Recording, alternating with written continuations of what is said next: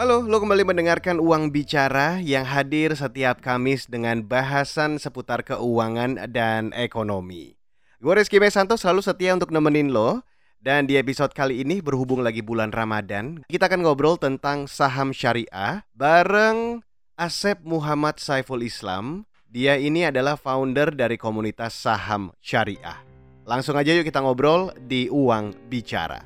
Terima kasih Mang Amsi sudah bergabung di Uang Bicara Kumaha Mas Damang. Alhamdulillah Mas Rizky. Alhamdulillah. Oke. Mang, sebelum kita mulai, boleh nggak diperkenalkan dulu? Mang Amsi itu siapa sih sebetulnya? Oke, siap Mas. Kalau bicara tentang Amsi itu kan singkatan benar ya, Asep Muhammad Sepo Islam ya. Asep Muhammad Sepo Islam. Jadi udah kebayang pasti orang Sunda dan Muslim gitu. Karena ada Muhammadnya, ada Islamnya. Saya borong itu semua namanya ya. Ada Saiful juga ya. Saifulnya Saiful Aman. Nah kemudian uh, Mangnya panggilannya tadi Mang itu nama paman di Sunda. Nah kalau ditanya apa sih aktivitas saya sehari-hari, saya aslinya guru, guru bahasa Arab, guru bahasa Arab di Mantiga Cianjur. E, tempatnya itu di hutan. Maka tagline syariah saham ya komunitas yang saya buat itu dari Belantara untuk Nusantara. Karena memang di hutan sekolahnya. Aktivitas saya memang di hutan gitu ya. Kemudian tahun 2014 itu saya bikin komunitas namanya HISA, Himpunan Investor Saham Syariah. Itu cuma berapa orang nggak sampai 10 orang ya. Hisa yang kemudian Hisa ini kita jadikan nama aplikasi sekarang namanya Hisa. Bisa dicek nanti di Play Store ya Hisa. Kemudian 2015 kita bikin syariah saham saham.com jadi kita di situ menuangkan pikiran tentang bagaimana sih mengubah mindset orang Indonesia terhadap investasi di, di pasar modal syariah umumnya spesifiknya di saham syariah. Mang MC, ini bertepatan dengan sekarang ini kan bulan suci Ramadan biar kita yep. semakin paham nih dengan apa yang boleh dengan apa yang tidak boleh Pem pertanyaan saya langsung membuka sedikit agak frontal nih sebetulnya mm -hmm. investasi saham syariah itu apa sih dan sebetulnya halal atau tidak mang investasi syariah investasi berarti investasi itu kegiatan menanamkan modal dan menanamkan modal itu termasuk dalam aktivitas hubungan antara manusia dengan manusia Ketika bicara hubungan manusia dengan manusia berarti masuknya dalam ranah muamalah kalau dalam konteks fikih. Muamalah itu ibadah antara manusia dengan manusia. Dalam fikih atau dalam ilmu hukum Islam ada dua kaidah pokok ya. Kalau misalnya ibadah asal hukumnya haram, nggak boleh sembarangan ibadah. Gitu.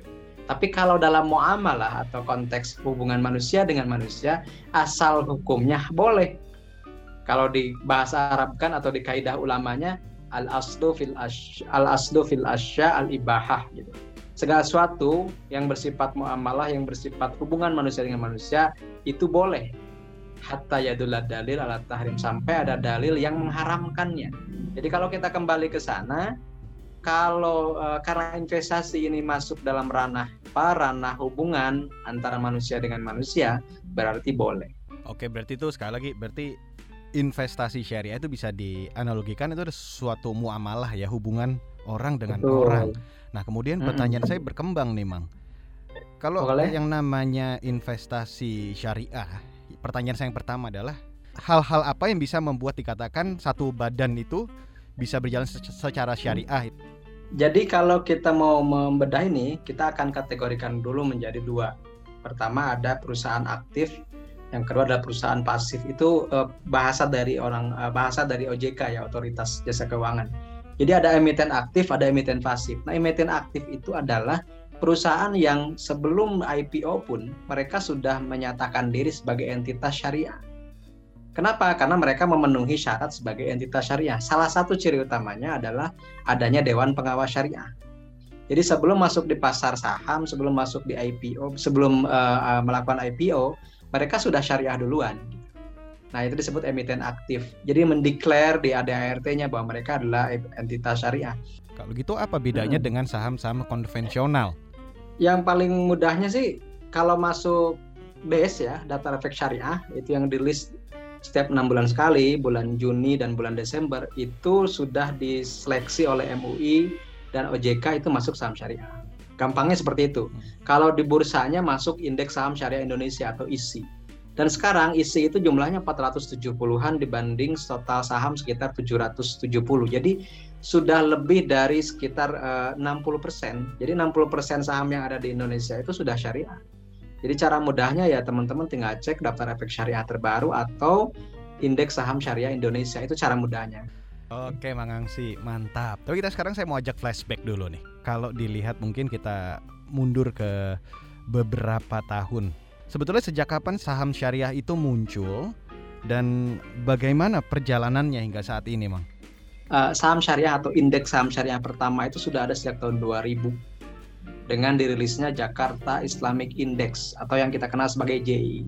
JI itu adalah kumpulan 30 saham paling besar secara kapitalisasi pasar dan paling liquid atau paling mudah ditransaksikan selama enam bulan terakhir periode tersebut. Namanya Jakarta Islamic Index, isinya 30. Dirilisnya tahun 2000, bayangkan sudah 22 tahun sudah ada saham syariah itu. Kemudian 2007 itu dipertegas lagi dengan adanya daftar efek syariah. Daftar efek syariah itu menjadi cikal bakal lahirnya Indeks Saham Syariah Indonesia atau ISI tahun 2011. Jadi empat tahun setelah adanya DES, baru ada ISI. Indeks Saham Syariah Indonesia. Itu jumlahnya sangat banyak. Jadi ISI itu semacam stock universe atau uh, pilihan saham untuk orang-orang yang mau investasi saham syariah saja. 2018 ada yang namanya Jakarta Islamic Index 70. 70 saham hasil seleksi dari yang isi uh, di uh, jumlahnya di atas uh, JI dan di bawah isi. Jadi pertengahan gitu. Terakhir di tahun 2021 kemarin itu ada namanya IDX MES BUMN 17.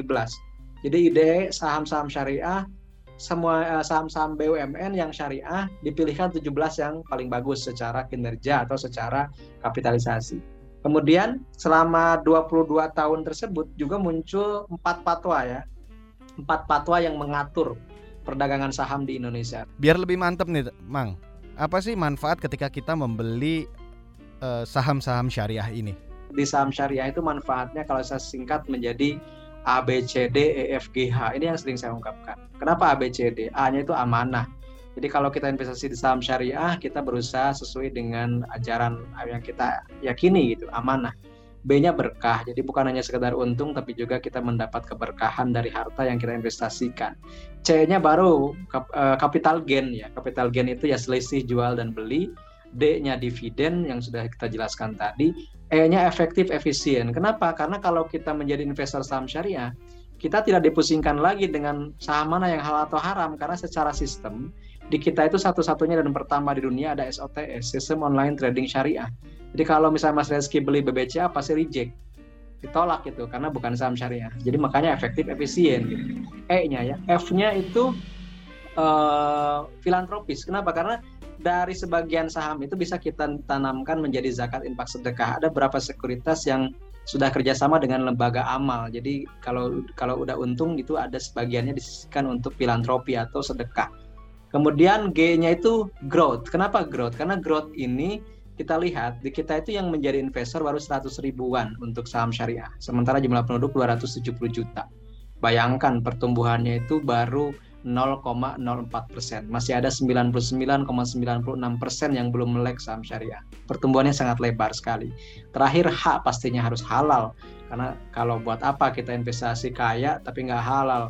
Buat teman-teman yang mau mulai nabung saham syariah? Ada nggak fitur-fitur yang bisa membantu investor baru yang sekarang ini lagi belajar? Kalau teman-teman ingin jadi investor saham, pastikan teman-teman menguasai STMJ. Itu apa itu STMJ? STMJ itu S-nya setor. Cara menyetor dana gimana? T-nya tarik. Cara menarik dana bagaimana? Store itu deposit, tarik itu withdraw kalau bahasa bahasa keuangannya. Kemudian M itu membeli bagaimana membeli saham itu. J-nya jual, bagaimana jual saham. Bukan jual beli ya, tapi beli jual. Kenapa? Karena kan nggak bisa jual kalau nggak kalau belum punya barangnya kan gitu. Jadi beli dulu baru jual. Makanya STMJ. Kenapa saya beli, bilang STMJ harus dikuasai? Jadi pastikan dengan modal yang kecil, katakanlah 100 ribu, teman-teman buka akun di, di sekuritas ya.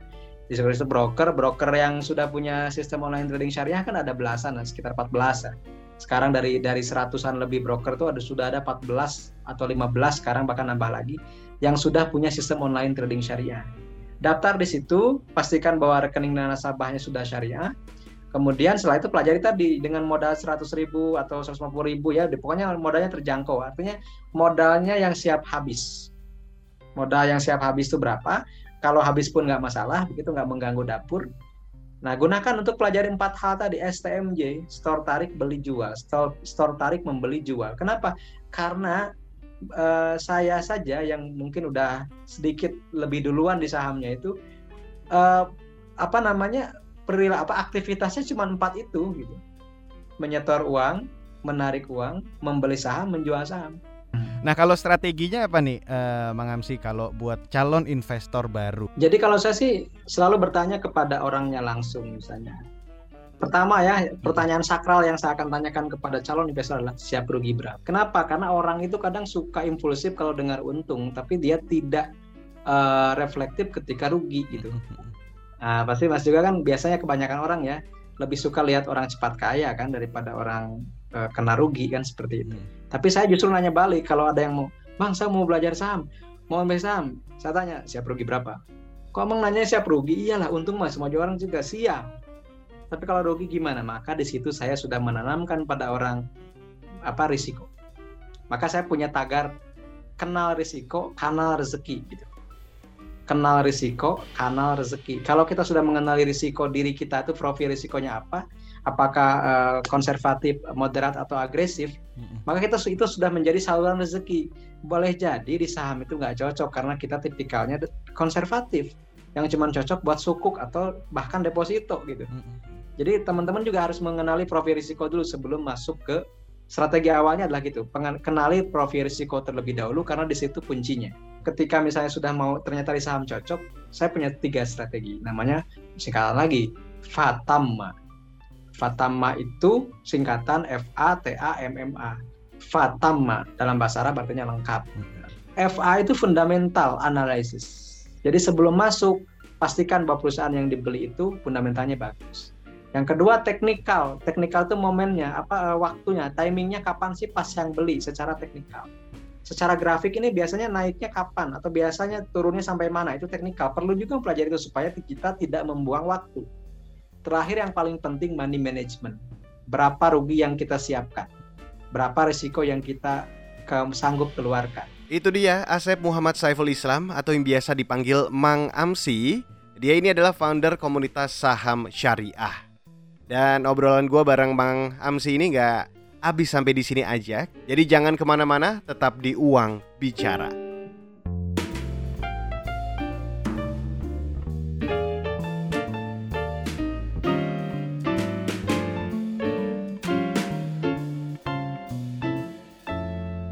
Lo masih dengerin Uang Bicara bareng gua Reski Mesanto. Di episode kali ini kita lagi ngobrolin tentang saham syariah bareng Asep Muhammad Saiful Islam. Dia ini adalah founder dari komunitas saham syariah. Kita lanjut lagi yuk, Mang. Apa nih yang yang boleh dan tidak boleh kalau ketika kita mau uh, berinvestasi saham syariah ini? Yang pen, uh, paling utama ber, yang paling utama ya sahamnya harus syariah dulu itu yang pertama yang kedua, pastikan transaksinya sesuai syariah juga. Misalnya begini, saya beli BRIS ya, Bank Syariah Indonesia gitu. Misalnya di harga katakanlah 1.700 gitu. Kemudian uh, saya beli mau beli sekitar 10 juta misalnya. 10 juta. Ternyata kita belinya lotnya kelebihan. Jadi 10 juta 200 ribu misalnya seperti itu ya 10 juta 200 ribu itu pasti di reject oleh sistem. Kenapa? Karena meskipun sahamnya halal atau sahamnya boleh, transaksi kita nggak boleh. Kenapa? Karena kita mengambil utang dari sekuritas pinjaman yang ada bunganya. Namanya margin. Jadi selain sahamnya harus syariah, objeknya investasinya harus syariah, eh, transaksinya pun harus syariah. Maka transaksi syariah itu misalnya kita nggak boleh beli saham dengan utang margin. Atau sebaliknya, kita belinya cash basis, belinya cuma 10 juta. Dari 10 juta kita cuma belanja 9 juta. Itu kan uang kita tapi belinya saham BBCA pasti ditolak juga. Kenapa? Karena meskipun transaksinya sesuai syariah, sahamnya nggak syariah gitu. Jadi pastikan pertama oh apa uh, instrumennya syariah, kedua transaksinya juga syariah. Dua hal itu yang harus diperhatikan sih. Boleh nggak sih uh, Bang Amsi share ke teman-teman di Uang Bicara kira-kira saat ini ya di momen ini saham-saham apa sih saham-saham syariah ya yang boleh lah dicermati atau mungkin dikoleksi di bulan Ramadan ini, Mas? Kalau bulan Ramadan itu biasanya kan uh, isunya itu atau misalnya apa ya? Rumornya ya, rumornya itu berkaitan dengan kebutuhan orang-orang ketika bulan puasa dan Idul Fitri.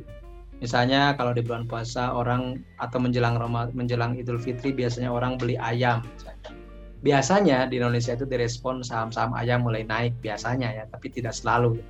Saham-saham ayam misalnya Java Compete, uh, Caroen Pokpan, Malindo Feedmill gitu.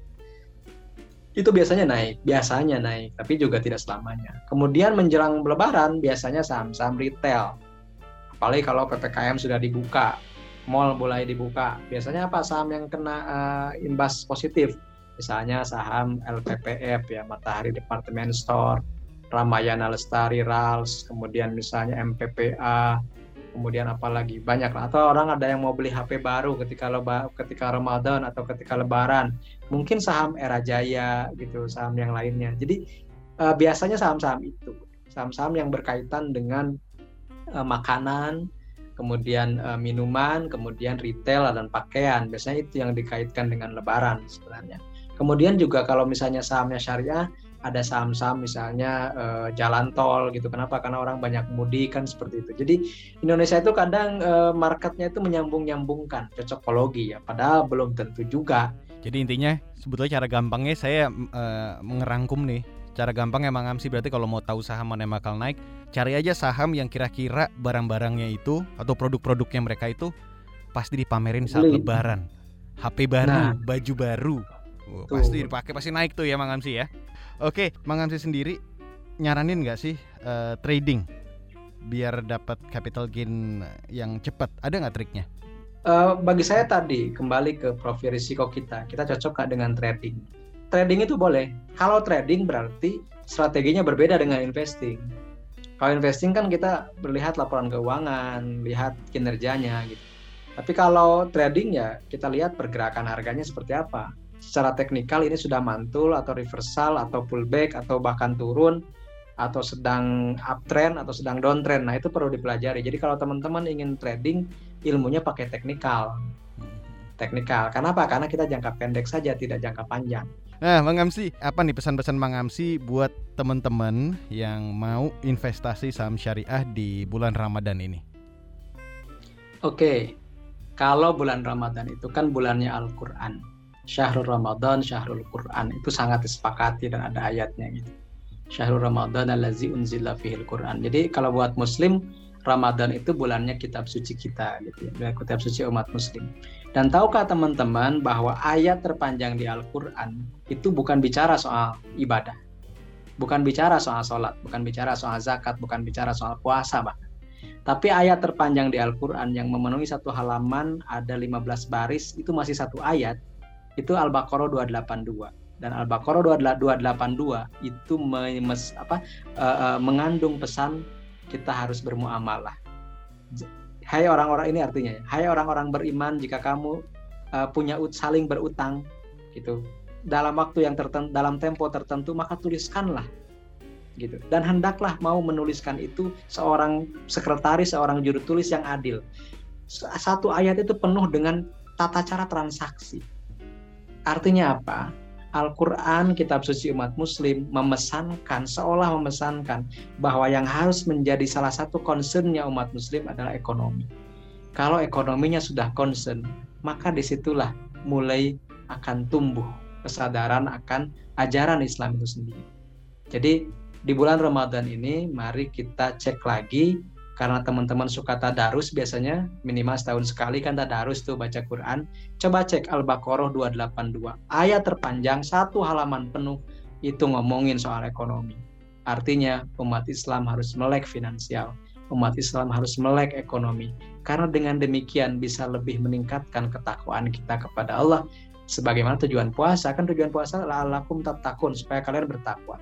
Intinya pelajari ekonomi maka takwa akan bersemi. Itu dia Asep Muhammad Saiful Islam.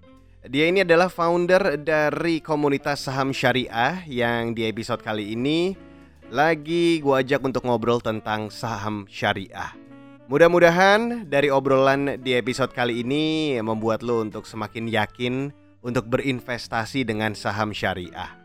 Sampai di sini dulu episode Uang Bicara kali ini. Buat lo yang punya kritik, saran ataupun masukan, ide-ide keren untuk dibahas di Uang Bicara, langsung aja kirim email ke podcast at kbrprime.id. Gua Reski Mesanto undur diri. Tetap sehat, tetap semangat, tetap lancar puasanya sampai hari kemenangan dan yang paling penting adalah tetap bahagia. Bye bye.